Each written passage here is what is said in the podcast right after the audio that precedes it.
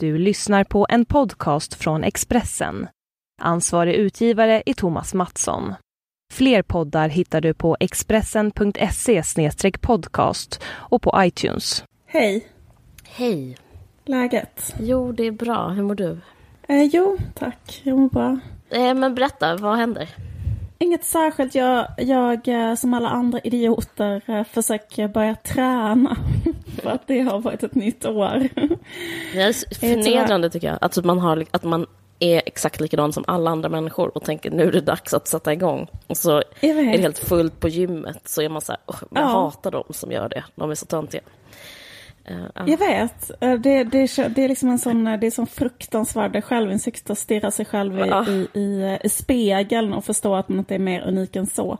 Man vet att alla här- kommer sluta också. Mm. Och man själv Och förmodligen man också, själv ja, också. Ja. Fast det tror Om man liksom- inte typ. Nej, man tror ju att man själv kommer fortsätta, men det kommer man inte göra.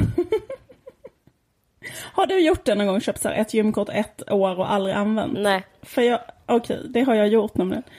Det är så, eh, ja men det är väldigt förnedrande. Nu har jag bara köpt en, en månad, så jag minns den här grejen att så här, köp inte ett år i januari sen gå, inte gå dit en enda gång. Ja, riktigt folklig den här podden. Ja, riktigt det- mycket igenkänning. Det är det. Hur som helst så gick jag till min, eh, också att jag är en sån extrem vanemänniska. Så det är så här liksom, om jag ska börja med något, eh, med någon, med någon, med någon träning. Då kan jag bara göra en enda sak och det är yoga. Men så eh, började jag på ett nytt yogaställe då, köpte ett nytt kort. Men så upplevde jag samma problem som, jag tror faktiskt att det är ett globalt yogaproblem. Nämligen att eh, det finns en typ av yogalärare. Och jag vet att jag har pratat om det här innan i podden, så jag ber om ursäkt för den här upprepningen. Men ett problem då är när man sitter i en sån yogasal. Först så börjar man med här avslappning. Ja. Och då börjar han prata. Och då pratar han så här. Om vad andning gör med en. Mm. Och då säger han så här. Eh, andning. Så här, ju långsammare du andas, ju bättre är det. För att ju långsammare du andas, ju längre kommer du leva. Och det kan man se på djuren. Att de djur som andas snabbt, de dör snabbt. Alltså är kortlivade. Och de djur som andas liksom långsammare, de lever längre. Han fortsätter i alla fall och säger så här. Om du andas, det normala är typ att andas 20 andetag per minut. Alltså säger han så här, om du går ner i andning så att du andas 10 per minut istället. Då kommer du att kunna höra djuren tala. Okej. Och om du andas fem per minut, då kommer du kunna höra jorden tala. Och om du andas typ ett eller två per minut, då kommer du förstå vad hela existensen går ut på, vad allting handlar om. Varför vi lever typ. Existensens gåta. I alla fall, så jag tänker att det är så himla... Blev du arg? Man är så... Ja, alltså man undrar, man blir liksom, man får ju liksom känslan att så här, det går inte då att typ så här knacka lite i, i, i marken. När man ligger där i barnets pose. Att typ räcka upp handen och säga så här, eh, stämmer verkligen det eller vad källa på det eller, alltså så. Jag fattar. Det kan man, det kan man inte göra där. Nej. Så därför så är, måste man bara ligga där och lyssna på det där. Jag undrar liksom hur man skulle kunna få gå på en yoga där, där en sån extremt vältränad kille inte har såna andliga spaningar i början. Men är inte det en del, alltså inte du då, men inte det som själva paketet? Att man vill ha typ någon som säger att man kan förstå existensen bara genom andning. Att det är liksom, alltså det är en del av USPen för yoga. Man vill ju inte liksom gå till en sån gymnasielärare i fysik som bara helium och eh, så här, man, alltså man vill ju inte... Men jag tycker ändå att det skulle vara något intressant. Alltså, jag, jag hade någon tanke om att man, alltså precis som man kan liksom välja bort reklamen i Spotify genom att Ah. betala mer. Att det skulle Ja. finnas en premium-yoga som var så här, ja du betalar typ kanske 40 kronor mer. Ja. Men då har du en garanti på att den här väl, äh, välbyggda killen ska hålla käften.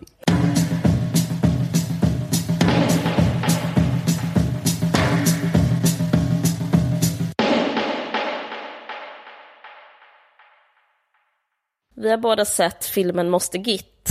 Ja. Du såg den bara för typ en timme sedan.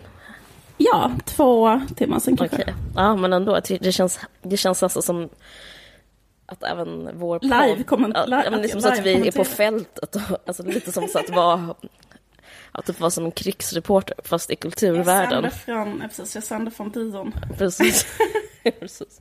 Så flygande Filmen reporter. Moster Git som är, förlåt, som är gjord av Erika Suback ska jag säga. Ja, precis. Och med manus av Evika Zubak och eh, Jean Demertas. Just det, som också är eh, huvudrollsskådisen. Yes, Jean Demirta. precis. Eh, Ber om ursäkt för att jag är nu som den här uh, nid, uh, nidbilden av en uh, vit kulturpersonlighet som uttalar namn fel. jag tror man uttalar det Ivica Zubak och Jean Demertas. Men tror du att man uttalar Chandermita? Jag vet inte.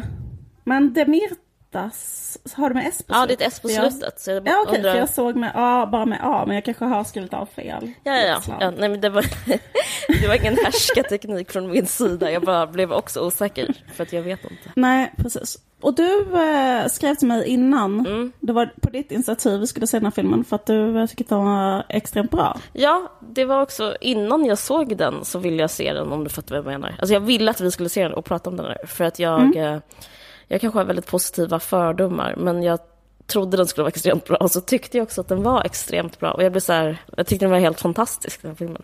Och jag tycker det är intressant för att jag eh, försökt kolla så här lite nu på olika recensioner, apropå det, apropå det första du sa om att du är en vit kulturpersonlighet, eller vad sa du? Du sa något sånt där. Mm, att det, just den, eh, du skämtar ju bara, men just den typ av take så är nästan, eh, jag märker att det finns en rädsla i att recensera den här överhuvudtaget. För att man, så, Okej. eh, man liksom vill hålla sig eh, cool, eh, dels kanske liksom, man vill kanske inte avslöja att man inte liksom känner igen sig alls. Och sen så vill man inte vara en, just en vit kulturpersonlighet som är så här, råkar vara Alltså man vill inte tycka att någonting är konstigt eller så här, man vill inte vara rasist.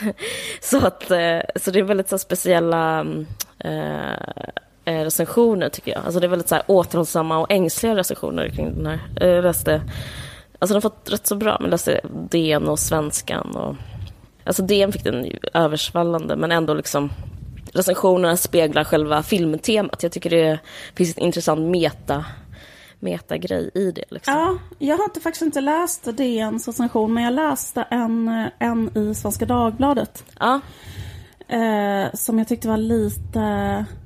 den var sval, liksom, eller hur? Ja, men det var något med den som var märkligt. Det var, no, det var bara någonting att hon liksom så recenserade handlingen typ, på ett konstigt sätt. Mm, mm. Typ att hon skrev såhär, jag tyckte inte att hon skulle, eller liksom, minns du det? Ja, det minns jag. Jag. Det jag minns från den recensionen var att den var också så här att den klagade på stereotyper, att det stereotypiserade liksom, dels hur man var i innerstan och hur man var i förorten. Men eh, jag tycker det är en intressant form av eh, klagomål för att är det så fel? Alltså jag fattar inte varför, om det är en bra gestaltad stereotyp, är det fel att gestalta en stereotyp? Jag tycker att det ja, i den här filmen hade jättestark poäng som att skämta med typ liksom en idé om vad en förlagsredaktör är och, liksom, och hur en förlagsredaktör skulle möta en person som aldrig varit så här, i kulturvärlden på något sätt. Så här. Men eh, det, det tyckte de i svenskan att det var onödigt typ. Ja men jag, eh, jag tänker liksom att, alltså att, att det är så mycket stereotyper kring de här grejerna, så här, förorten och innerstan. Och att de är så väldigt, väldigt, väldigt, väldigt etablerade kulturellt. Och liksom nästan alltid ser likadana ut. Den här liksom schablonbilden av Södermalm, typ hur, det, hur kultureliten är på Södermalm, eller så här nidbilden av den. Som känns så väldigt, väldigt gjord liksom på ett visst sätt hela tiden. Och samma sak då liksom det här med så här hur man pratar i förorten och att det också så här kändes som att, eh, jag vet inte, och, att den känns liksom lite sådär pedagogisk i det, liksom att det var så här också, att det liksom listan ord så här, aina är lika med polis. Alltså, eh, fattar du vad jag menar? Så blir man bara så här, eh, ja, men, eh, Mm, mm, just det. Ja men liksom när... Eller liksom Ja, det kanske var det för- Alltså, så här, svagaste. att det så övertydligt också representerat liksom att, den här förlag, att det är en förlagschef till exempel då en vit innerstadsförlagschef som sitter på sitt, eller en redaktör då, som sitter på sitt kontor och lyssnar på opera. Och så kan man liksom inte bara låta det vara att han lyssnar på opera utan han måste också säga så här, åh det här är så vackert den här höjningen här. Och så måste den här eh, personen från förorten säga, vad är det för skit? Vad, Mm. Hur kan du sitta och lyssna på sånt här hela dagarna på allvar? Alltså, så här. Men, sen, men sen kan jag på ett sätt, jag fattar vad du menar också för att så här, det är något som är lite Mm. kul i att man har struntat i det och bara kör och liksom att det är lite Ja, men jag tycker det är lite... klyschfest liksom och Ja. att det är lugnt. Ja, precis. Alltså jag skulle säga att det är lite eh, symptomatiskt för att man eh, koncentrerar sig mycket så just på liksom de vita personerna i eller de så här ur ibersvenska också, för att det är det som man kan någonting om. Alltså typ en eh, förlagsredaktör är typ som en eh, vit recensent i svenskan. Alltså det finns liksom, det är ens bakgård som man får, typ, får uttala sig om. Det är ju så rätt så liten del i filmen, men jag tycker det finns något suggestivt i att, eh, alltså för det första tycker jag det bästa med filmen är att istället för att, som i all annan media, dag ut och dag in, prata om invandrare som eh, objekt och offer så är det så är de liksom någon, någonting annat. De får vara så här subjekt och typ är, vara roliga och ha känslor och typ vara dumma och vara så här störiga och eh, vilja ta så här, vilja ha det bra, vilja liksom vara lata, vilja typ vara ihop med någon, vilja inte vara ihop. Typ sådär. Eh, och det typ är så himla sällan jag får se det i både så här, den fiktiva medien och så här, den vanliga medien. Men, men däremot så framställs ju alla vita personer så som invandrare och svartskallar alltid framställs som bara typ en typ av människa. Och det tycker jag är rätt så intressant. Liksom. Jag kanske lägger för mycket i det, men det finns liksom en eh, en lek med att så här, ja men absolut, vi kan också göra, vi, jag, så här, vi kan också berätta om stereotyper, det är bara att de råkar vara de här stereotyperna och inte de här. Ja, Alltså det är ju de, de är jag ju rörliga, också- alltså, de, alltså eh, huvudrollsinnehavaren är ju en sån här rörlig eh, person med, medan kanske de är mer statiska, den här förlagsredaktören som är bög och sådär och eh, typ. Jag förstår vad jag menar, att det finns någonting i det, med vems ja, blick absolut, det jag är. håller med.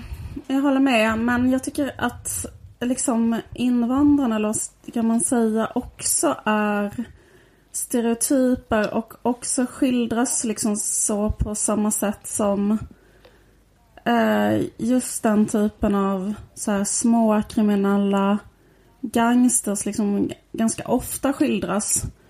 Men om de Eh. finns, då kan man, ska man inte kunna skildra. Alltså, jag känner igen pers, person, alltså jag känner igen de här människorna jättemycket. Ja, alltså eh, jag bara menar att jag tycker också att det är stereotyper. Alltså, Ja, okej. jag, jag tyckte inte att det kändes som så här, ah, vilken, vilket nytt sätt att skildra den här gruppen i samhället eller så. Nej, jag fattar. Jag tycker det, för att det fanns, liksom, fanns en humor och ett, så här, ett subjekt hela tiden. Och att det fanns liksom, jag tänkte på filmen, har ni sett den där gamla filmen från 90-talet som heter De misstänkta, som typ handlar om Kaiser Soze. Det är vet du, någon jävla Ja, just det. Nej, ja, precis. Jag vet vilken det är, men jag har inte sett den. Uh. Det är också typ, det är en kille som sitter på en polisstation och under tiden, eh, han är ju under ett förhör så berättar han en jättelång historia av allting han bara ser i rummet liksom. Och så lurar han alla. Alltså det finns liksom någonting, jag tycker den här, att det är liksom en sån typ av eh, genre som den hakar in i den här filmen, att det är så här eh, jag tänker typ så här på maffiabröder, på den misstänkta, alltså typ en viss typ av så här joyful typ eh, gangs, alltså så gangsterkärleksfilm. Alltså inte kärleksfilm, inte gangster som är kära utan att så här kärleks till gangsters på något sätt. Som är så här väldigt ovanlig i Det var Sverige. kanske där som jag tycker att det var så här, äh, att det kanske mer är liksom hakar i en sån ändå ganska välkänd porträttering av gangsters typ. Än, än att det liksom tillförde något. Och sen, och sen, och sen så tänker jag liksom att också hela poängen eller liksom hela, hela, hela berättelsen i filmen också känns väldigt så här välkänd. Att, att det liksom, att det så här, när man då skildrar förorten så här, att man, man liksom har som slags huvudkonflikt i berättelsen är att det finns ett val som gangstern eller liksom huvudpersonen eller så här förortsmänniskan kan göra. Att det var liksom en springande punkt hela tiden i filmen så här, vilket liv är det du vill ha? Så här, och sen att det framställdes som ett val där personen kunde välja så här, antingen att bli en författare och en del av kultureliten eller att så här, vara kvar i en slags så här, eh, kriminalitet. Och att det fanns vissa sådana så här, nyckelscener där huvudpersonen kunde eh, välja. Så här, gå Mm. från bilen eller stanna kvar och, och fortsätta hoppa in i bilen där. Jag fattar. där Jag, jag tycker satt och begick tvärtom. brott. Och jag tycker liksom att den bilden eller den så här, vad ska man säga, konstruerade liksom så här nyckelkonflikten. Att det handlar om så här, att han skri- förlagsredaktören skriker efter honom så här. Vad är det för liv du vill ha? Vad är det för liv du vill ha? Och sen så liksom väljer han. Ja, Jag tycker bara att det är, känns som en ganska så här, trött och väldigt stereotyp bild av liksom hur det är. Jag skulle önska att man inte såg en film som hade det liksom liberala grundantagandet. Vad eh, som handlar, att det handlar om så här individuella val, vart du befinner dig någonstans. Speciellt inte när det just handlar om förorten där det liksom är mer och mer och mer så att det är som ett sånt skruvstäd som är helt omöjligt att välja bort för människor som, eller mi- mindre och mindre möjligt att välja bort för människor som är födda där liksom så. Men jag, men jag Mm. håller absolut inte med. Jag tycker det handlar om att han inte har ett val. Alltså, det som försöker skildras är att han inte har ett val. Han har, det går inte. Det går typ inte att göra... Alltså, till och med när han har ett val så går det inte att välja något annat liv. Alltså, det är ju, jag ska inte avslöja för mycket, men det är ju, det är ju så det sker. Att han, han, han till och med tar det valet, men, men, men han är vem han är. Alltså, det andra är starkare på något sätt. Det är starkare än till och med ett medvetet val. Jag tycker det... Ja, Jag- jag, ty- jag tycker ändå att han, att han eh, kan välja för mycket. Ja, okej. Eller att det känns så här för lättvindigt liksom.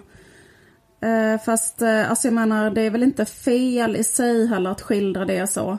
Eh, eller jag menar det kan man ju göra som en berättelse. Jag menar inte att den, jag bara så här, kanske saknar liksom, eh, eller skulle vilja se då liksom en berättelse som inte var så. Fast jag är också så här beredd att förlåta det för att jag tycker typ att det är så här en, liksom Alltså jag tycker det handlar, alltså, jag, jag kan känna av så här amerikanska drag i det, eller vad man ska säga, typ så här, man kan bli self-made och sådär.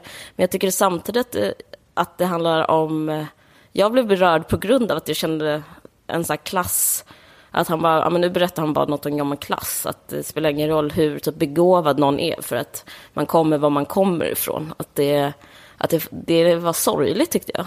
Men det, det, det är intressant att vi upplever det så himla olika. Eh, det var någonting annat jag skulle säga som jag, jag ska bara kolla vad jag skrivit. Jo men just det, jag tänkte så här också jättemycket på så här, varför jag gillar den så mycket. Och varför inte alla gillar den lika mycket som jag gör. Och, eh, men jag tror att det handlar också om eh, referenser. Att se såna här gubbar liksom, i såna lokaler, i såna höghus. Jag har sett det i mitt liv, men jag har liksom inte fått se det på film så många gånger. Jag tycker man såg det i Äta, sova, dö. Och samma, det jag pratade om i början, typ att alltid de här människorna har alltid så här beskrivits som så här problem eller bara varit så här på bild för att prata om något annat problem. Men att nu så blev de levande. Jag, jag blev så himla typ sprallig av det, typ att se så här massa, jag tänkte på min pappa, typ en sån invandrargubbe som har bott i ett höghus. Alltså det var så, för jag försöker så analysera, det kanske är, ett, det är kanske typ av det privata skälet, att jag bara eh, så blev upprymd för att jag kände att det blev liksom en historia som jag också får tillhöra, eller ha, tillhör, får liksom kastas ljus på för typ kanske andra gången i svensk filmhistoria. Det känns jättekul. Ja, men är han ändå inte en, eller så här, eh, alltså jag vet inte, för jag tycker också det finns en besvärande tradition i svensk filmhistoria med det som är att man håller på med något sånt mys liksom. Men det är ju ett Som, mys, det finns ju ett mys. Ja men typ som är så här jalla jalla.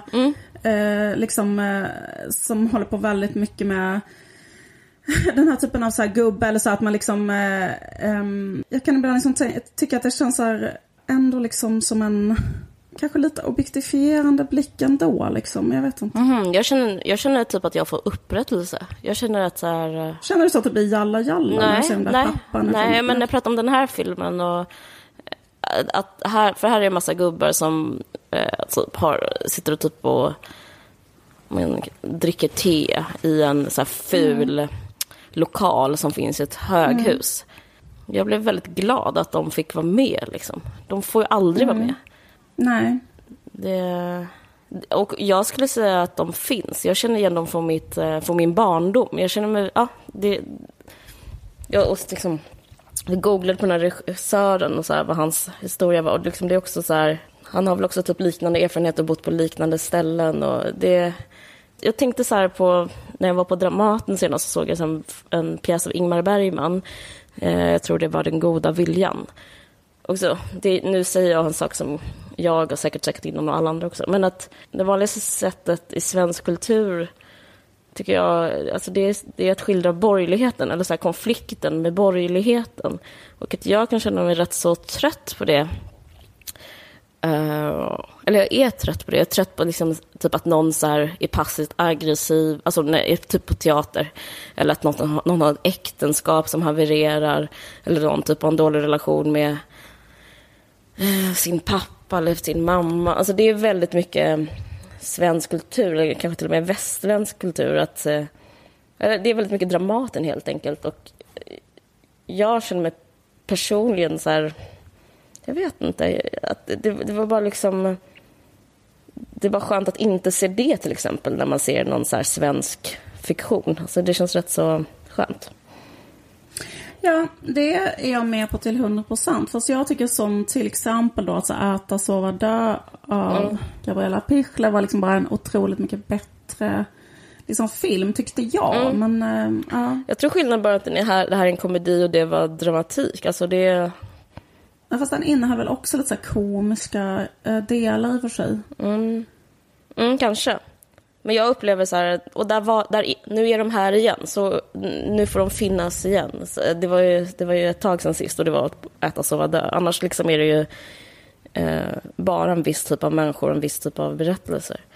Ja, precis. Fast jag, jag tycker liksom inte att det är, eller så här, jag vet inte, jag, jag, jag, tycker att man kan diskutera så här, eller så här, eller jag menar jag är helt med på det att man ska skildra de grejerna. Jag bara tyckte typ kanske inte att det var så här svinbra skildrat då liksom. Men det, det var vi tycker väl olika mm. liksom.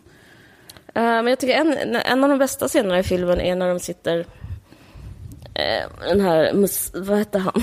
Uh, vad fan heter han? Mettin heter han. Som, mm Eh, han, det är liksom en förväxlingskomedi på ett sätt. Han har tappat bort sin dagbok och så ska han försöka få tillbaka den. Och så är det en förlagsredaktör som är intresserad av att ge ut den som en bok. Och så råkar han hamna på en sån här i fel... Alltså han hamnar i innersta kretsen och då hamnar han på en förlagsredaktörsmiddag. Mm. Och jag tycker den... Det finns en scen då som är så här, två stycken författare i kanske 45-50-årsåldern sitter och pratar om eh, sin senaste bok, vad den ska handla om. Och den ska handla om typ om eh, ryska gangsters som ska smuggla in pansarvagnar, tror jag det är. Är det det? Mm. Ja. Och då är de så här att de eh, pratar om det på ett sätt som bara typ svensk kultur alltså, elit kan göra, eller, svensk, eller svenska kan göra, som inte alls har någon närhet till kanske den typ av grej överhuvudtaget. Men att det är typ det som de har kommit överens om är intressant att berätta om. Liksom. Och sen så sitter han där och eh, har något att berätta. Eh, och då, då, jag tycker det är liksom... Eh, för då säger han så här, nej, typ, man gör så här och så här, och så här för att han känner till det. Men, men jag tycker att de där, jag identifierar mig med dem. Alltså jag upplever självhat för att, att jag identifierar mig med dem och inte med den här meten som kommer från Jordbro. För typ själv så är man så här, jag vet inte. Jag tycker det finns ett problem så här, i all litterat, så här, svensk litteratur och vem som får komma in på skolor och vem som... Alltså, det är liksom så...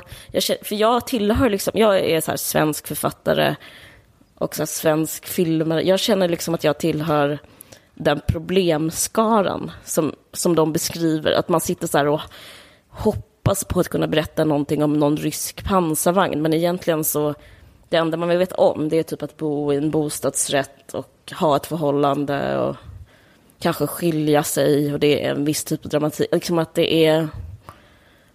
Um, och det är liksom något självföraktande i det som kanske har en slags grund. Alltså den berättelsen är också, måste också få finnas, men nu är det som att den bara finns. Och sen så kom han och bidrar med något annat. Vad tänkte du när du såg den scenen? Liksom, förstår du vad jag menar? Ja, alltså jag vet inte riktigt. Jag känner mig så här, jag kanske blir så här, ehm, jag kanske är också för att jag känner mig så här allmänt så här, liksom, hur ska jag förklara det? Jag var så här jävligt liksom uppriven, eller liksom att det händer så pass sjuka saker där jag bor just nu. Mm. Alltså typ i Malmö. Alltså att det har precis blivit skjuten en 16-årig kille mm. som är väldigt nära, som bor eh, då i eh, vad heter det, Rosengård som är liksom ett sånt område som eh, alla känner till mm. då liksom som ungefär det här området liksom så här att där det har varit så här 13, det här är det 14 mordet som mm. skedde i Malmö bara i år. Mm. Och att... Um, 2017? Eh, det, är det så? Uh, nej, alltså under 2016. Mm, mm, mm, men att uh, det hände ju att en 24-årig tandläkare med så här invandrarbakgrund blev skjuten också för några veckor sedan i Malmö helt utan uh, anledning. Och det är samma sak då med den här sex, som alltså en 16-årig kille som gick så här ettan på gymnasiet. Och det var liksom eh, beror det liksom på att eh, det finns så enormt, enormt, enormt stor tillgång på vapen mm. och eh, droger och att det liksom är så himla hög kriminalitet så att det liksom går inte att så här, ja, gå, ja, liksom att, ja, ska man säga, polisen klarar liksom inte av att så här, in, stoppa det på något sätt då. Så att det är den verkligheten som de här människorna måste mm. leva i liksom. Mm. Och eh, jag liksom jag känner mig så jävla liksom... Det är ju den verkligheten han beskriver också ju. Ja precis, men det jag menar är liksom att jag, jag känner mig så jävla liksom, alltså djupt liksom så här upprörd liksom att det är så. Och så tänker jag liksom att, så det jag tror att jag sitter och tänker på det är så här, men vad fan kom igen, det, det är liksom, det är ett så här, de, de senaste 20 åren så har liksom eh, klasspolariseringen ökat så jävla mycket i Sverige. Alltså om man kollar bara all statistik och allting så har det kanske så här, för, alltså inkomstklyftorna, mm. hur, hur, mycket de har fördubblats, hur lite, alltså hur lite rörlighet de människorna som, att man är tvungen att leva i en, i en del av Sverige där man i princip inte har lagskydd, där man inte kan bli skyddad från mord. Mm. Alltså förstår du? Och eh, då tänker jag liksom att det problemet är så jävla akut och att det inte handlar om så här, eh, det, det, det handlar inte om så här, eller liksom det, det känns inte viktigt så här, om det finns självhat hos en författare eller liksom. Fast jag tycker att eh, utan, det, filmen handlar om utan det. Att, utan att det viktiga är liksom att man gör så här jätte jätteallvarliga så strukturförändringar. Så att det, att det handlar om så här politik och ekonomiska förändringar och som politisk förändring. Så att så här, det slutar vara så liksom. Eh, och att så här, jag känner som en längtan att slippa det här, så här individperspektivet eller så här, det individuella moraliska perspektivet. Det är väl liksom mer det. Fattar.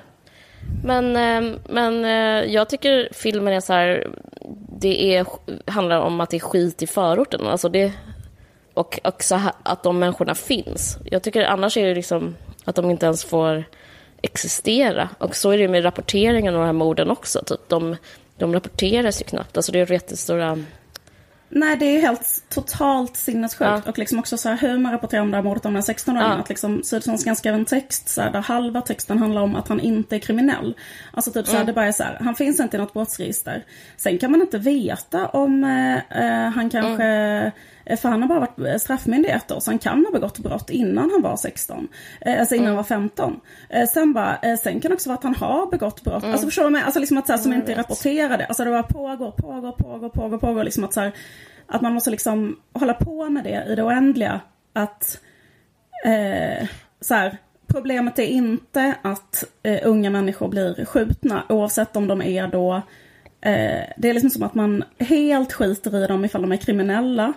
Eh, och, och ifall, ifall de inte är kriminella och invandrare så skiter man typ nästan i dem. Mm. Nu har man typ brytt sig om den här pojken för att han då inte var en gängkriminell. Men det är liksom också så här, om det är typ 18 år och, och med i ett gäng. Mm. Det betyder också, eller därför att man har byggt upp strukturer i de där områdena där det är den absolut enda överlevnadsmöjlighet. Eller där liksom allting pushas till att det är din livs, det är liksom en ja, livsval. men det är ju det exakt att, filmen beskriver. Det är det, det, är det som det, den handlar om. Alltså jag tycker liksom kanske då att eh, dikotomin eh, svensk kulturelit och eh, förorten kanske känns så här, kanske mindre intressant då än dikotomin så här, eh, välfärdsstaten, socialingenjörskonst slash förorten. Jag liksom. fattar, men det är lite svårt att göra en film om.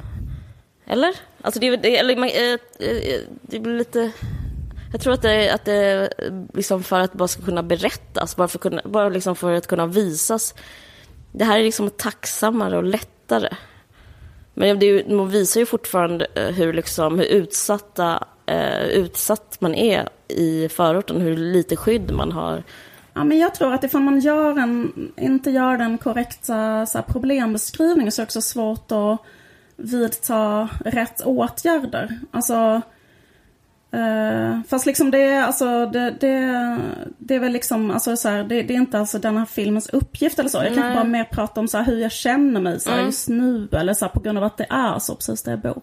Ja, men jag och tycker att det händer så här, ja. utanför dörren. Ja, det är helt så, fruktansvärt. Och det, ja. men, eh, men eh, jag tycker nästan det är mer fruktansvärt att det, mm, att det är liksom vad ska man säga, att det är andra klassens medborgare som inte är värda att berättas om. Alltså, det är de, alltså de här morden som sker på de här eh, ofta unga killarna. Liksom, de, det finns ingen, det, det är inga ny, det blir liksom, doesn't make it Nej. to the news. Och det tycker Nej. jag liksom finns en eh, Men likhet. också att inte, liksom att, ja, precis, och, och, eller ännu värre än att det inte make it to the news är att det inte utreds eller Nej. straffas. Så därför att de har lagt ner, alltså av alla de som har begåtts, alltså till exempel på den här tandläkaren mm. då, som var 24 år, då la de ner det, äh, vet du, undersökningen efter 24 timmar. Så här, de har liksom inte råd. Så de eh, kan inte utreda det. Nej. Och eh, så att därför liksom så är det, går det liksom inte, eller så här, det är så här, det, och, det, och det kan inte jag se skulle hända om det skulle vara en vit 24-åring som blivit skjuten liksom. Nej, exakt. Men det här säger ju han ex, i, alltså bokstavligt också, att eh, det, de bryr sig inte om de som att, att man, man knäpper någon, eller vad fan de kallar det liksom. Att det är bara liksom mellan ah, mellan dem. Men eh, jag vill bara citera honom. Mm. Eh, vad heter det? Ivica Subak. Mm. Så vad han tycker om eh, alltså varför han har gjort den här, så säger han så här, när man ser på film från 80-talet tror man att Sverige var ett land utan några invandrare. Invandrare fick aldrig vara med, varken på tv eller film. Men det är viktigt att skildra hur människor har det idag, vilket samhälle vi lever i. Och det är även viktigt att få folk att garva. Så jag tror att det, jag, jag, jag tycker han sammanfattar det rätt så bra. Alltså, det, alltså tjänsten, vad heter det? Gentjänsten? Nej, det heter det inte. Förtjänsten heter det. är ju att man får se en annan värld som jag tycker är realistisk. Men också så här att varför ska de behöva bära, bara för att de får vara med för en gångs skull, varför ska de behöva bära uh, det här allvaret hela tiden? Alltså, det, jag tycker det gör att göra... Mm, men jag tror inte, min invändning är inte att det är en komedi. Nej. Men skitsamma. Nej. Ja. Okej. Okay. Nej, men jag menar att eh, det är ett sätt, alltså det är ett sätt att eh, avtäcka, alltså nu, det, nu är det bara att hu huvudet, alla är som strutsar vad det gäller liksom inte icke-vita människor, men liksom det är, ett, det är ett sätt. Jag blev i alla fall ja. upp, upp, upplyft. Ja. ja.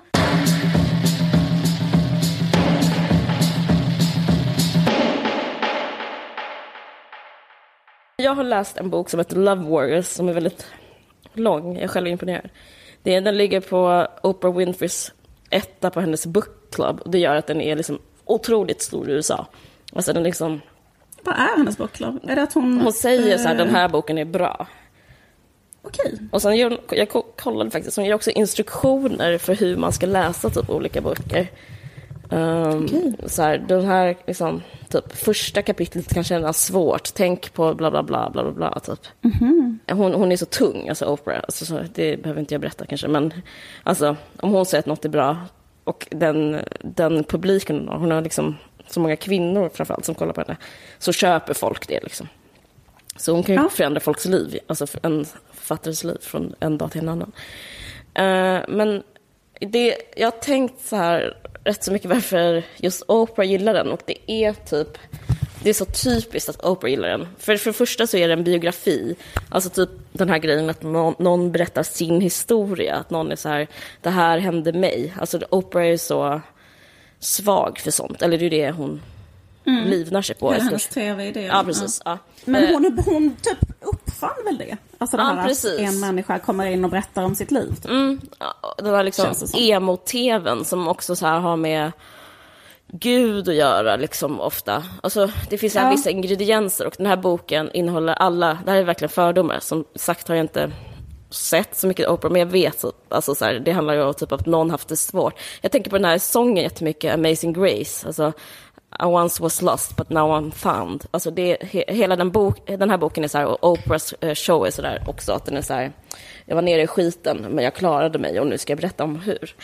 Uh, mm. Men jag läser den här på ett, den är så här, det är en bladvändare, den är 700 sidor, men jag, man läser ändå den liksom, det, det går undan för den, den, har någonting. Men jag läser den på ett rätt så, så här stort utifrån perspektiv som kanske låter eh, föraktfullt det här med Oprah och att jag inte sett henne och sånt där. Men, men grejen är att det finns något exotiskt i alltihopa, i den här genren. Den är väl så här olitterär, men det finns liksom jag tycker det är intressant att liksom försöka läsa det, böcker som Eh, och bara liksom försöka ta dem på allvar. Men, men det, det går inte att komma riktigt nära. Men en sak som förstör är till exempel en sak som Oprah älskar och som jag inte hatar, men som jag sätter ett hinder i min läsning, är det här med hur man förhåller sig till Gud. Alltså den vanliga så här, protestantiska liksom, gud, alltså det bibel, bibliska guden. Alltså, du vet, Gud. Ja. Och, ja. och i den här boken har Gud en jättestor roll. På ett sätt som mm. jag liksom inte känner igen i Alltså i svensk litteratur liksom, eller svensk uh, självhjälpslitteratur heller. Alltså jag, jag har bara läst några, jag har läst de här, så här kända böckerna, Mia Törnblom och vi har ju läst Hemligheten. Jag tycker liksom inte, Gud är inte så närvarande. Nej. Uh, men Gud här, alltså den vanliga som man kan läsa om i Bibeln, han, är, han eller hon, vad fan, skitsamma, är, är, är supernärvarande och liksom en, hela tiden en tredje faktor i den här eh, människans resa. Men jag ska bara snabbt berätta vad den handlar om. Det handlar om en mm. recovering alcoholic och bulimic.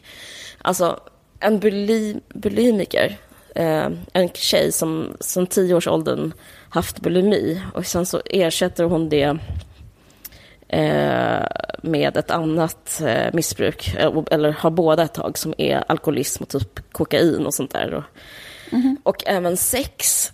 Och sen så hon, det är roligt för i USA finns det också så här, det, alltså det är exotiskt på sådana sätt också att det finns så här, en tradition att säga att allt är missbruk. Så här. Att ja, sex är missbruk. Till exempel så pratar hon också i den här boken om att, lä, att hon använde till och med böcker, att hon missbrukade böcker. typ så här, hon läste som tioåring och det var ett sätt för henne att fly. Man bara, va? Och då liksom, ah, hon var så här, bo, bokmissbrukare också. Ja, det är lite sjukt. Men jag tänkte läsa ja. en liten passage bara för att få... Ja. få man ska komma Men är det, förlåt, får jag fråga, är det en... Äh, är det en, liksom, en självbiografi? Eller ja, så? det är det. Okej, okay, ja. Så det är en kvinna som helt enkelt berättar om sitt eget liv? Yes. Och hon är, är det här liksom hennes, är hon författare? Eller hon är, är liksom författare. Liksom hon var, okay, ja. Det som är intressant med den här boken, det är, alltså den är intressant för mig för att jag är kvinna och för att jag också lever i samma värld som hon gör. För att hon pratar om sitt missbruk, att ha bulimi och sen alkoholism. Alltså hon fick det när hon gick på college och ville vara populär bland killarna. Att så här, hon skulle vara den tjejen som kunde dricka mest och typ så här, eh, vara smalast, dricka mest, alltid skratta. Typ. Hon pratar mm. om det som ett sätt för henne att, att inte kunna existera i det riktiga livet. Hon pratar om det som gömställen och allt det här. Och hon pratar hela tiden om något som hon refererar till som reglerna. Och eh, de här reglerna eh, handlar om hur, vad som krävs för att vara en flicka och vara tjej och kvinna. Och att hon upplever att de är helt omöjliga, de här reglerna. Alltså det kan till exempel vara att vara tyst, att inte vilja någonting, att inte känna hunger, att eh, vara smal, men att ändå kunna äta mat att eh, ja. ha sex eh, när någon men annan vill. Men inte vara kåt, ah, men ändå... Ja, precis. Ja. Så hon, ja. hon beskriver det. Typ inte vara äckligt kåt, men ändå typ njuta jättemycket av sex. Och typ, ja. ja, men precis. Jättemycket sådana olika regler som finns. Att vara populär, men att inte berätta något om sig själv. Att inte vilja ha något från någon. Att så här, ha ett förhållande, ett helt förhållande utan att någon gång kräva någonting tillbaka. Men, hon, men det är intressant att komma från det här hållet, det här Oprah-hållet, eller gudhållet. För att hon, hon nämner inte ordet feminism en enda gång på de här 700 sidorna och hon nämner inte ordet patriarkat. Men det hon beskriver med de här reglerna, hon bara “there's rules for being a girl”. Det är ju liksom patriarkatet. Så mm. det är en sån intuitiv form av feminism som, som berättas från, liksom mer så här från ett emotionellt håll. För att hon, hon pratar om så här, min sårbarhet klarade inte av verklighetens hårdhet. Alltså, eh, och, det, och, det, och då blir det liksom som att det är rätt så sympatiskt sätt att så, till, tillgodogöra sig ett egentligen politiskt budskap, eller vad man ska kalla det. Alltså det hon blir väldigt eh, intuitiv och väldigt eh, personlig, men berättar liksom... Oh, men utan att nämna en enda teoretiker. Så, uh, men, och som pratar liksom även om sex. Alltså hennes grej är ärlighet och sårbarhet. Eh, och även, du vet, Brené Brown som jag har pratat om innan, liksom hon typ har pratat, hon älskar den här boken och kallar den liksom, hennes blurb är på boken It blew me away, typ. Och Åh, vad fan. ja, precis. Nej, men också så här, för det, är, det, är så här, det är en viss typ av så här tjejer som håller på med sårbarhet och gör så otrolig karriär. Även den här Eat, Pray, Love, eh, författaren Elizabeth Gilbert kallar boken epic. Det står på boken också. Eh, alltså det är mycket så här men det är intressant, för det det handlar om det är att här, inte följa reglerna. Och det, det säger någonting om hur samhället är, att det, är så, att det blir så otroligt stor genomslagskraft. Att bara någon som säger så här, att de inte vill ha sex. Alltså inget, för hela boken är så väldigt, väldigt low key. Inget speciellt händer och det är väldigt vanligt allting. Men det är så här, jag, ehm, när jag hade sex så brukade jag hela min kropp brukade flyta upp i taket och jag såg mig själv utifrån. Och jag, jag gjorde olika ljud om det skulle få det att gå över snabbare och jag typ la mig på olika sätt om det skulle få gå över snabbare. Alltså hon beskriver så här våldtäkt, så low key våldtäkt mm -hmm. hela, hela tiden. Mm -hmm. Och så inte njuta av sex alls. Eh, men att hon berättar om det som ett sätt, att hon bara, jag har aldrig, det är ingen, ingen jag har inte, ingen har berättat det för mig. Ingen har sagt att det är så. Antingen ljuger alla eller så är det jag som ljuger. Liksom, hon, är, hon upplever mm. liksom att hon är ett totalt freak som inte njuter av sex. För att överallt så mm. ska hon... Hennes lycka ska vara komplett när typ någon mm. kommer, kommer liksom, penetrerar henne. Och sen så en annan sak som händer är att hon gifter sig och hon bara... Nu är det samma sak då. Så hon beskriver det väldigt ärligt att då ska ju hennes lycka vara gjord. Men hon mm. bara, men då får hon typ ett, också ett sammanbrott som är att hon eh, hon fattar inte vad som är fel, hon är ju gift. Alltså det är väldigt, så här, mm. det är mm. väldigt naivt och liksom, vad det, så här, uppriktigt så här, skrivet. Hon bara, men jag har ju hela tiden sett på alla filmer och alla andra, man är gift och man ska göra sådana här lunchlådor till den man är ihop, till liksom sin make som han ska till jobbet. Men jag gör det typ och jag städar men det är ändå inte... Jag känner mig ensam fortfarande typ. Ja, mm -hmm. och sådär.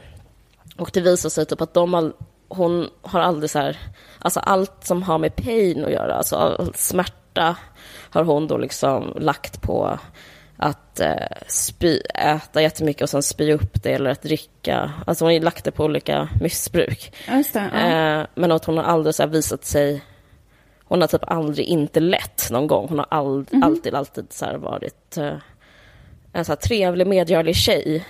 Men typ att det att nu när hon har ett äktenskap och fortsätter vara det. Hon försöker, men hon bara, jag är, jag är glad, jag är schysst. Vad, vad är problemet? Varför är det som att jag hellre skulle vilja dö än, än gå upp idag? Liksom? Mm. Men så hon går ändå upp. Hon, och hon är alltid smal. Liksom. Men, uh, ja, och det är då att hon aldrig visat, visar svaghet eller smärta för den hon är ihop med eller någon nära vän eller familj eller någonting så hon håller på och, mm, mm. och sådär. Men eh, jag ska läsa då lite i, i början bara för att man ska få en stämning så kanske man kan bli intresserad av boken. Det här är, beskriver hon hennes första pojkvän. Och här, jag tycker hon beskriver så här systerskap och patriarkat rätt så bra. Det är så här, hennes första pojkvän var, var den snyggaste på skolan. Han var två år äldre. Och hon blev ihop med honom och hon lät honom så här, ligga med henne eh, så fort han ville. Och sen mm. nu så går han ut, han tar examen och då ska han fira det med att han åker iväg med sina boys på en resa till stranden. Typ. Alltså, jag läser mm. på engelska så jag vet inte. Mm. Beach semester mm. liksom. Så de kanske åker till Kalifornien. Och då så får han ett paket kondomer av sina föräldrar.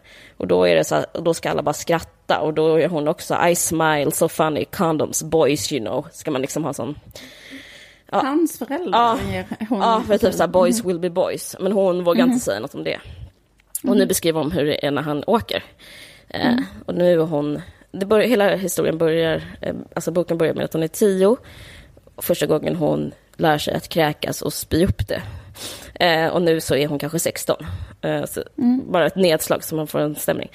Okej, okay, och nu åker han iväg. Joe kisses me goodbye and heads off to the beach week with his buddies and his condoms. Two days later, Rob, a boy I've known since second grade, knocks on my door. I step onto the porch and Rob stammers a bit and then announces with a nervous smile that he needs to tell me something. He visited Beach Week and learned that the night before, Joe slept in jail. He was arrested because another senior girl accused him of rape.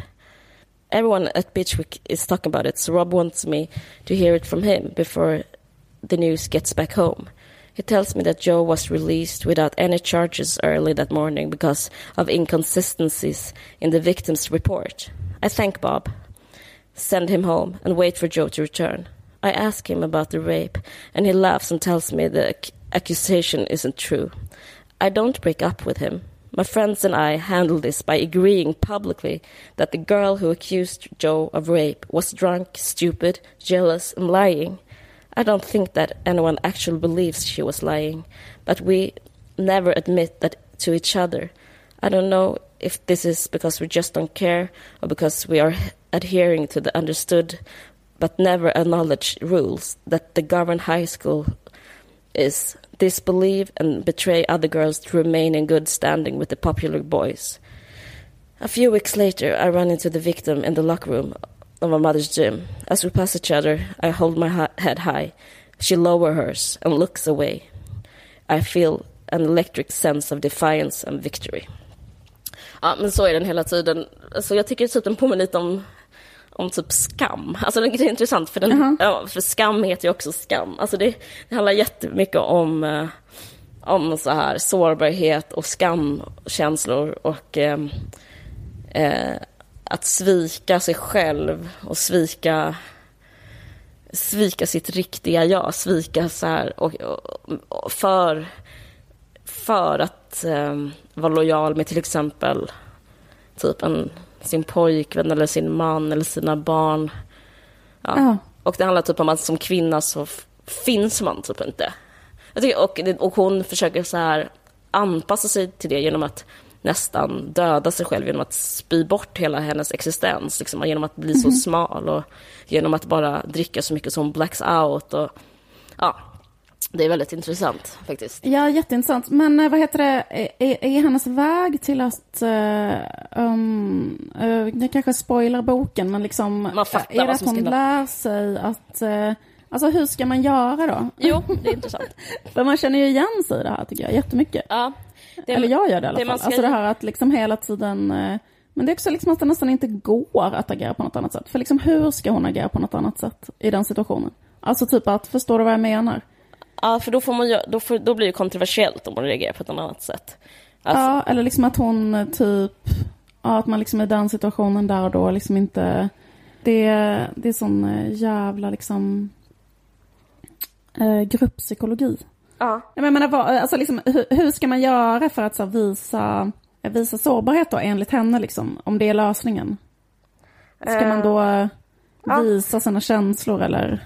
Jo, det man ska göra, det som händer henne nu sen, sen är att hon, hon super så hårt. Alltså hon, är, hon, ja. hon, super, hon, har, hon utbildar sig till lärare och man, ja. man dricker sig eh, så hon eh, svimmar varje kväll. Alltså hon äter ingenting. Så dricker hon så mycket som svimmar varje kväll. Men gud. Ja. Och sen så uh, hinner hon, så jobbar hon så här på sen eftermiddag eller någonting. Så hon använder förmiddagen varje dag till att så sober up och sen så drick, uh, jobbar hon. Hon är så här mm. duktig tjej också. Och sen så går hon hem och bara dricker, dricker, dricker. Men sen till slut en dag så mm. blir hon gravid. Och mm. då så och ja, men det är det som är den här grejen med Gud. Det är därför Oprah gillar den här boken. Men det är liksom, man kan ta del av den fast hon pratar om Gud. För då är det så här, okej, okay, jag har fått en invitation, jag har fått en inbjudan till godhet, typ. Att behålla det här barnet. Mm. Uh, och då så... Uh, Ja, men så då slutar hon, då blir hon, eh, då blir hon sober. Fast, fast i tio år och föder tre barn och med, med Craig som han heter, hennes man och bla bla bla. bla. Mhm. Men det är inte det som är grejen. För hon lever, fast hon slutat dricka, och så hon håller fortfarande på så här med ätstörningar och hon håller fortfarande på att Mhm. det var perfekt. Liksom. Det är då hon upplever det här. Jag ler ju varje dag, jag är ju snäll, varför känner jag mig ensam, bla bla bla. Mhm. Men så händer typ en otrolig katastrof. Grejen är att den här boken kommer aldrig översättas till svenska, för den handlar så mycket om grace, alltså den handlar så mycket om så här att vara, få benådan från Gud, så det, liksom, det kommer inte finnas någon marknad. Så jag kan lika gärna berätta vad som händer. Eh, och så upptäcker hon att Craig, hennes man då, eh, som är före detta quarterback och modell, så är det himla roligt att vara ihop med någon sån, eh, har varit otrogen och att han, he uses sex to numb his pain. Alltså, han använder sex för att, vad heter det, numb his pain. Ja, jag förstår. Men det låter lite som en sån tjejförklaring. Ja, verkligen. Craig, den här manliga modellen. Det är inte bara att han är så kåt på någon annan. It's his addiction. han, I had his I had mine addiction. Um, food was mine addiction. My addiction, and, he, and his was um, sex and other people he didn't know, fucking with strangers. Ja, hur som helst. Men, men, då, så, men då så får hon en totalt eh, liksom, pan- psykos. Alltså hon, eh, hon blir så ledsen, för hon trodde att de hade ett perfekt liv ju. Så då är det så här, okej, men så du har alltså legat med folk nonstop sen vi gifte oss, för vilket han har. Bara någon må- någon ve- tre, tre veckor Ah. efter giftermålet så börjar han ligga med olika. Och då får hon totalt bryt, eh, mår skit. Och då så börjar hon eh, första gången så här inte vara perfekt. Alltså hon, hon får ha så mycket smärta som hon börjar med olika, hon får hjälp av olika människor. Hon, så här, hon går till en terapeut, hon eh, ber, eller hon, hon, hon, eh, hon börjar på yoga och gör en hot yoga som är, och, och, och där hon sitter bara still och eh, gör något som kallas typ war, Path of the Warrior. Känner ni till det här? Man sitter Nej, still fast jag var på yoga igår. man sitter still i 80 minuter och låter alla ens demoner besöka en. Och man ska, Okej. och man ska inte lämna rummet, man ska inte lämna sin matta. Så man ska så gå igenom, man ska möta allt, allt som är fult och man ska förlåta det. Och framförallt så ska man så här... Ma- Prata om ett jättefult djur. Precis. Och så, och så, alltså det är väldigt speciellt, hon, hon bara sitter där i yogastudion och bara gråter. Alltså det är väldigt mycket sår den här boken, man bara gud vad pinsamt. Men det är så här, men det var inte pinsamt. Typ. Men, Nej, nej, nej. Eh, summa, summa summarum så handlar det om så här, man måste våga visa sig svag och man måste det enda som gör att man växer som människa, det här tycker jag, alltså den är bra, jag håller med om det här. Det är typ, det enda som gör det är att känna riktig kärlek och att eh, känna riktig smärta. Det, gör, det är growth. Och eh, riktig kärlek eh, känner man om man så här, det måste man, det handlar jättemycket om att så här, eh, visa vem man själv är. Och då måste den andra personen också visa vem man själv är, den är. Och så måste man liksom vara, träffa den och så får man liksom vara dålig och ful och ändå vara så här förlåten och älskad och typ sådär. Och det andra är att för alla människor upplever smärta någon gång och att så gå in i den smärtan och inte rejecta den. Att inte så ljuga. Alltså typ, hela boken handlar jättemycket om att inte ljuga och inte så ha en fasad jättemycket. Nej, Att försöka så här, vara kvar i verkligheten. Alltså att inte hitta olika snabba sätt att bara ta sig ur verkligheten. Så att hon förbjuder sig själv att skriva under den här perioden också. Hon är väldigt så här, ortodox liksom, med, att, med det här med att vara närvarande. Så att hon får liksom inte ens skriva om sitt uppbrott. För hon tycker typ även art är ett sätt att så här att inte existera i verkligheten.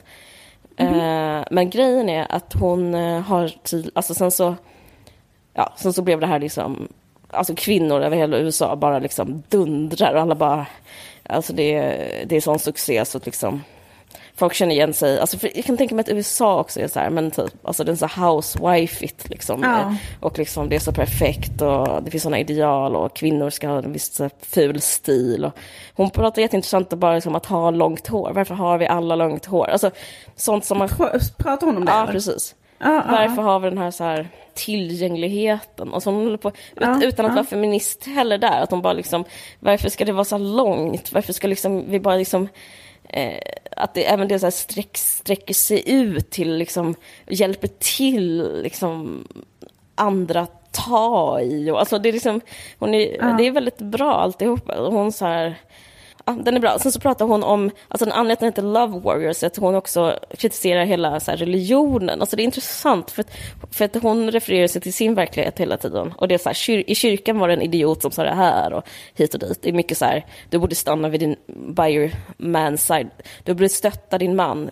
Gud gav, eh, Gud skapade kvinnan för att hon skulle vara mannens lilla hjälpare, typ står det i Bibeln. Men, men då blev hon så här, inte den guden som jag känner, den gud jag känner är kärlek. Att vara i kärlek med guden är att, bla bla. hur som helst. Eh, så bara, då läser hon Bibeln så här, så här frantic hela natten och så här, jag ska hitta motbevis på att jag är mannens hjälpare. Så hittar hon så här, eh, hon läser den så här på hebreiska, så hittar hon så här att ez, alltså e-z-e, betyder kvinna på hebreiska.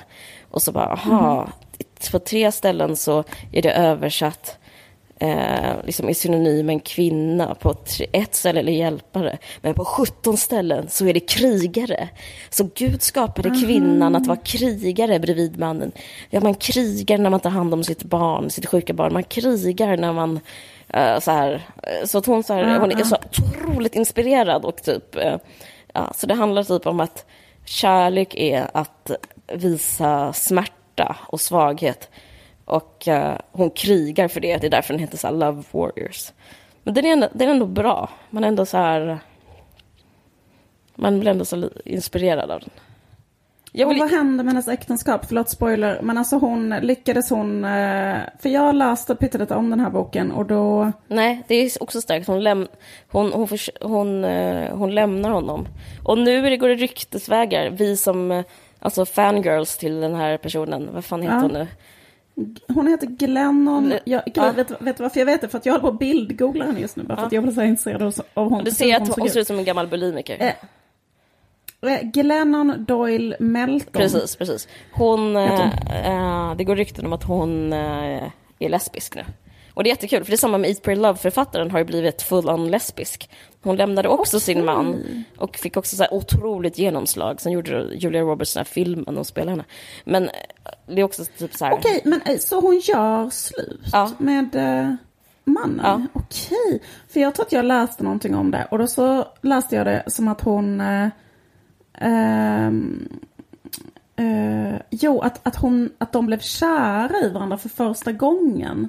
Ja, När de var ärliga mot varandra. vad sjukt. Jaha. Det- det tyckte jag var lite om de skulle bli det, jag har typ tre sidor kvar. Det skulle bli det kanske- då. Vänta. Sju sidor kvar har jag och då, har de, då ska hon lämna honom. Okej.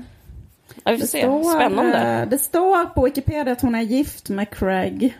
Okej, fan men hon är på väg att lämna honom nu när jag läser. Men det är möjligt att hon, eh, att hon stick together. Men, men det går ju rykten om att hon är lesbisk. Hur förklarar du det? Okej, men hon... eh, jag... jag ehm, det här är superspännande. Cliffhanger. Vad bra, vi kunde inte spoila. Trots Nej. att vi gjorde vårt bästa. Utan lämna det här. Lesbisk bra. eller singel eller eh, eh, fortfarande gift och lesbisk. Eh, men... ehm, Jo, men jag tyckte det var något intressant med det. Uh, det jag bara läste pyttelite om boken eftersom du sa att du hade läst den. Att, att, att, ehm, att det var någonting med att här, de inte hade varit kära i varandra.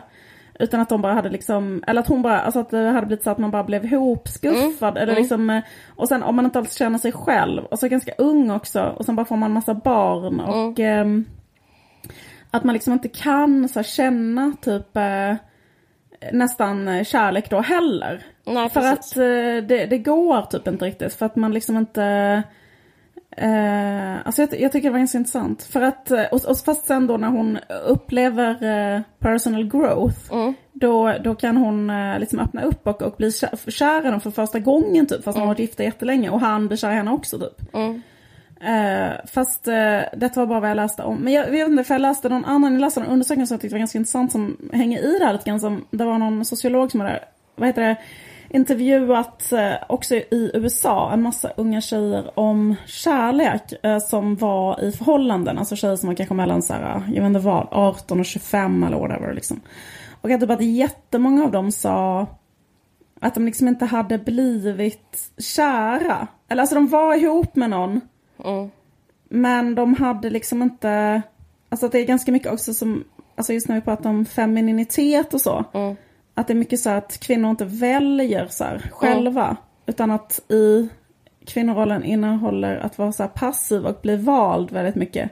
Mm. Och så bara blir man vald av någon och så bara sker det någonting. Fast man eh, ja, är, har liksom inte själv typ så här, tagit initiativ så som man liksom inte, ja, som man bara befinner sig i en relation helt plötsligt. Nej precis, och man är inte i Ehm, kontakt med så det någonting, man är bara så här pleasing hela Ja, tiden. Exakt. Ja, nej men till exempel så har hon jättemycket problem med sex, hon har till och med problem, alltså hon, men hon, hon har aldrig nämnt det för honom. Alltså det är, jätte, det är nästan Mhm. komiskt att hon är så här, eh, hon har, varenda gång han vill har hon ställt upp, men, och varenda gång har hon aldrig sagt, sagt så här, eh, det var dåligt för mig eller jag vill inte eller jag är inte sugen. Hon har liksom alltid, alltid gjort det så att hon, till slut har hon liksom sex för henne blivit eh, något helt vidrigt liksom. Alltså att man, in, man inte utgår från sig själv, alltså sitt innersta Nej. väsen över, överhuvudtaget. Utan att man, så här, man går omkring en slags, vad förväntas av mig, läge på något sätt hela tiden. Ja, det, men jag tror att många är så, och liksom i olika grader. Det, alltså, alltså det handlar om att anpassa sig och vara så här, vara smooth och liksom... eh, Då kanske, alltså att det handlar alltså jag tror inte det är, jag tror det är vanligt. Mm, verkligen.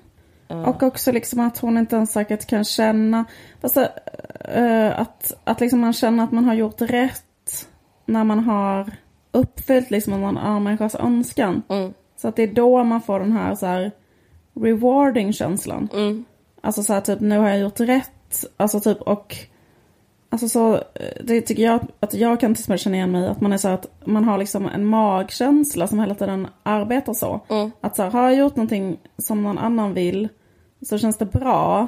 Och sen bara, har jag gjort någonting som bara jag vill eller uttryckt en åsikt som varit avvikande eller så här, Mm. varit så här på tvären eller inte uppfyllt vad någon annan och så här bla bla. Då känns det fel. mm, Och eh, då känns det som att, eh, ja då får man liksom, vad heter det, ångest eller, alltså då, då känner man sig som att så här, det här måste jag liksom rätta till. Eller förstår du? Typ Mm. sådär. absolut. Ehm, Jag läser nu, jag läser ut den alltså, Mm. live och nu är det faktiskt all of a sudden I feel the desire to kiss Craig. Så nu vänder hon på sidan 664, två sidor kvar. Mm. Eh, I can't believe that this is true. But I check in with my body and find that indeed it is. My mind starts to panic. I can most certainly not kiss Craig. Eh, men eh, ja, Men vi, har Craig eh, också, vad heter det, mm, återupp, eh, liksom, vad heter det, upplevt, vad heter det, emotional growth? ja, för att han, han börjar gå i terapi. De, de går i samma terapeut. otrogen? Hans porrmissbruk... Eller är han fortfarande? Nej, nej, han är inte längre. Han har, hans porrmissbruk och sexmissbruk har upphört. Han går, i samma, hon går hos Anne, samma terapeut. Så, förlåt men, ja. Ja, det låter kanske banalt, men det är ändå lite intressant. Jag tycker det är intressant hur man... Eh, eh, alltså typ vad kärlek är, typ att man också, att det handlar om närvaro och eh, att, eh, att försöka vara så skyddslös. Jag tycker att, att, eh, att man inte ska sticka iväg på sina olika, med sina olika mekanismer på olika ställen. Alltså jag tycker det... Men eh, alltså jag, jag lär mig någonting av den här boken. Fast jag, jag, jag, för sig, jag har gått i terapi. Jag tycker jag är typ rätt så bra på det där redan. Men jag, jag lär mig ändå äh, grejer liksom. Eh, jo, men en sak som är rätt så loll med den här boken. Och det är ju, eller den här genren rättare sagt. Alltså det, jag tror det är därför den har så låg status. Nej, inte bara därför. Men den är så fruktansvärt allvarlig hela tiden. Alltså förstår du vad jag menar? Man kan ju berätta saker på olika sätt. Men eh, det är inte ett enda skratt någonstans. Alltså, det finns, alltså det finns så många skildringar av liksom kyrkan, yogan, eh, olika så här, hon går till så här andningscenter för att lära sig andas. Alltså det är jättemycket sånt hela tiden. Men det, liksom, det finns inte mycket, så mycket skärmat på ett sånt andningscentrum. Ja men precis, hon liksom vägrar liksom ens så här, hon blir aldrig frestad att så crack a joke om någonting. Det är så här väldigt, väldigt humorlöst. Uh, men ja, det kanske, det kanske är Men det, det, det, låter också lite grann som så här ytterligare ett sätt att vara bäst. Alltså det först är man jättesmal, jättesnygg, gift med en manlig modell och quarterback. Sen, sen får man tre barn. Sen så får man reda på att han är otrogen och då blir man inte så här tjock, vindictive, Nej. Uh, börjar vara otrogen själv. Alltså förstår du vad jag menar? Mm. Förstör sitt liv, alltså börjar ta droger, jag vet inte vad. Eller liksom Eh, eller fortsätta vara ihop med honom och ta skit. Alltså liksom, det finns många sätt att göra fel på. Så gör hon verkligen rätt att hon bara sitter, börjar på yoga och healar sig, blir en sån mind, liksom blir en sån, eh, eh, vad heter det, självhjälpsguru istället. Ja men precis. Hon är otroligt så high achiever. Hon fortsätter att vara high achiever. Fast jag tror att hon mår bättre, men jag fattar vad du menar, det är ju exakt så. För nu när jag ser bilder på henne så ser jag att hon verkar inte ha till exempel... Eh, hon har inte gått upp något. med sin kropp. Nej. Och hon har ju fortfarande långt hår. Alltså ifall, nej vänta, nu ser jag en bild på henne här i page, när bildgooglar. Ja. Okej, hon kanske har eh, varit pyttelite mindre pleasing. För hon har liksom någon slags, eh, någon slags lite halvful page istället för ett långt svallande hår. Men jag tror att också um, hon, uh, typ, hon, när hon, hon liksom klippte håret kort och slutade ha smink just då när hon skulle så här dumpa Craig. Alltså, sen skrev hon det, sen så blev hon så lite normaliserad igen. Men hon, är, mm. hon har tatuerat in på sin handled Be still. Alltså, alltså fly inte, don't push your button. Alltså, då menar hon så här, man ska inte trycka på sin knapp. Knappen kan vara pornografi, den kan vara att äh, äta mycket och kräkas, den kan vara sex, den kan vara alkohol, den kan vara kokain, den kan vara böcker, den kan vara skriva. Man ska bara liksom vara eh, ärlig Känna och smärtan. i smärtan och visa smärtan. Det är mycket relate på det där att det är självutvecklande, känna smärta. Så ja, det är bra. Ja, verkligen. Eh, men jag tycker samtidigt så här, eh, att det här med att så här, göra alltid missbruk, att det blir lite så här, men kan man inte Just det, hon bara, ja, även nu är jag författare och även det är ju fel av mig att vara det, för då är jag så här hovering above and not participating. Alltså det är också så här hårt att man aldrig får vara lite lite chill med att inte vara delta i allt. Alltså, jag förstår vad jag menar. Mm, verkligen. Ska, det är jättesvårt att leva så där med hela tiden. Verkligen. Att inte beskriva ja, saker, att inte ta ett steg tillbaka, att inte så här hellre vara... Men jag känner också väldigt så här, liksom misstänksam mot det där att säga att allt är missbruk. För att missbruk känns ju som så här, det måste ju vara att det, att det har eh, konsekvenser som gör att det förstör ens liv. Alltså om man läser så är inte det uh, ett problem på det sättet som att ta heroin. Alltså typ så är det liksom inte riktigt samma.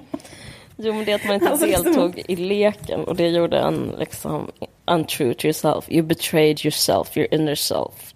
Ja, jag fattar, jag håller helt ja. med. Det, men det... Men jag tycker på ett sätt så har hon rätt även om det med skri- läsande och skrivande. Jag, känner, jag läste jättemycket som barn och det gjorde jag, men det var inte det också ett sätt att jag tyckte barndomen var så tråkig och svår så att det var, det var väl bra. Alltså flykt, det, kan väl också vara okej okay ibland. Alltså flykt kan ju vara så här givande också.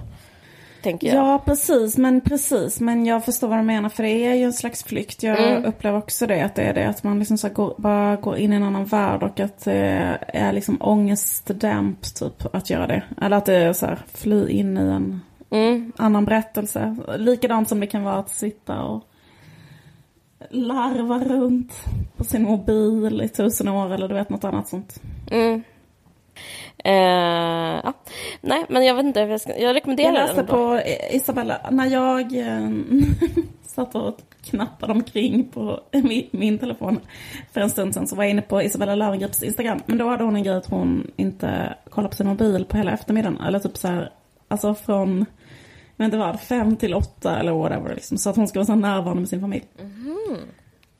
Fast jag kan också tänka just den här kvinnogrejen, att alltid vara närvarande. Att det också är något med det där att liksom... Att allt var till hands, alltså det problemet som hon förmodligen har haft då. Mm. Eh, att, eh, att det också kan... Ja, jag vet inte fan, skitsamma. Jag vet inte vad, vad ska jag komma Det är inte så intressant. Nej, men jag fattar vad du det. menar. Att det är också en kvinnoroll att vara närvarande. Att vara så här, jag är Att här. hela tiden finnas där Mm. för andra. Så bara, Mm. ja, det är, jag ska inte en sekund zona ut. Jag ska bara vara eh, Min karriär, redo min att karriär är bara ett sätt för mig att fly. Jag säger upp mig och bara ska sitta här och vara. Alltså det känns, jag vet inte, det är lite så svårt. Men, Ja, precis.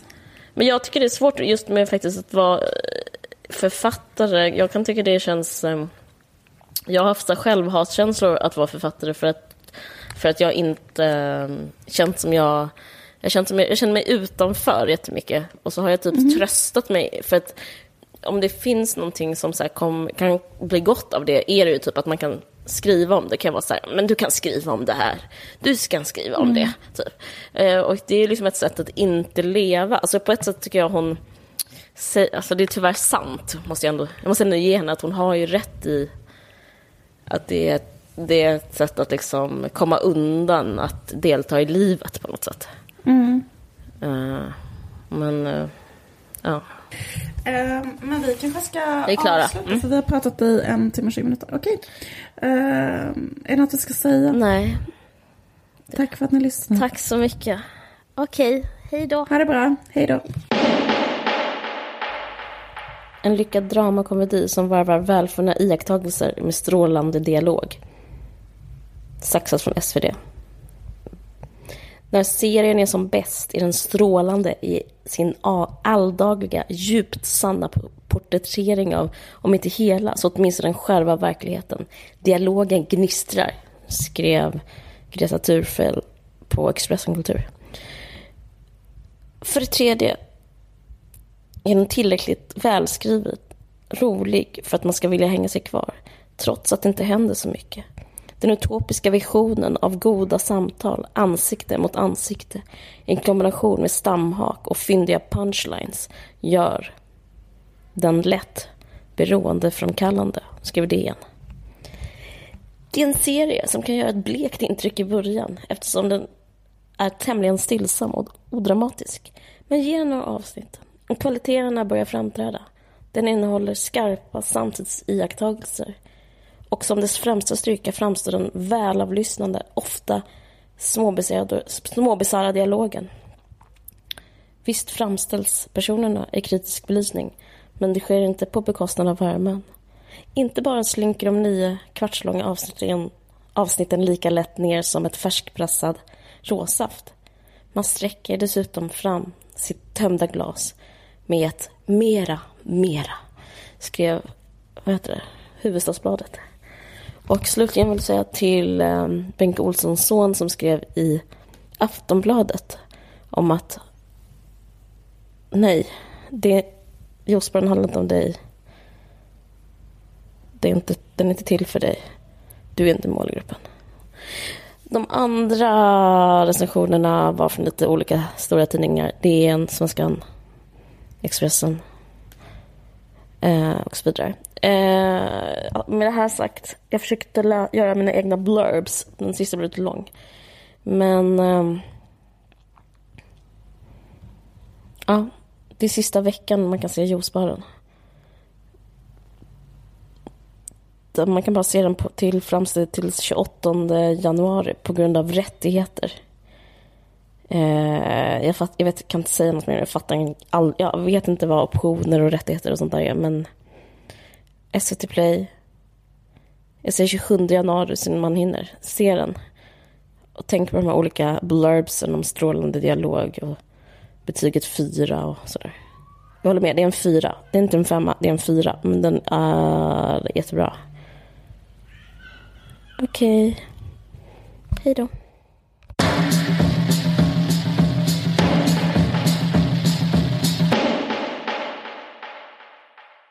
Du har lyssnat på en podcast från Expressen. Ansvarig utgivare är Thomas Mattsson. Fler poddar hittar du på expressen.se podcast och på iTunes.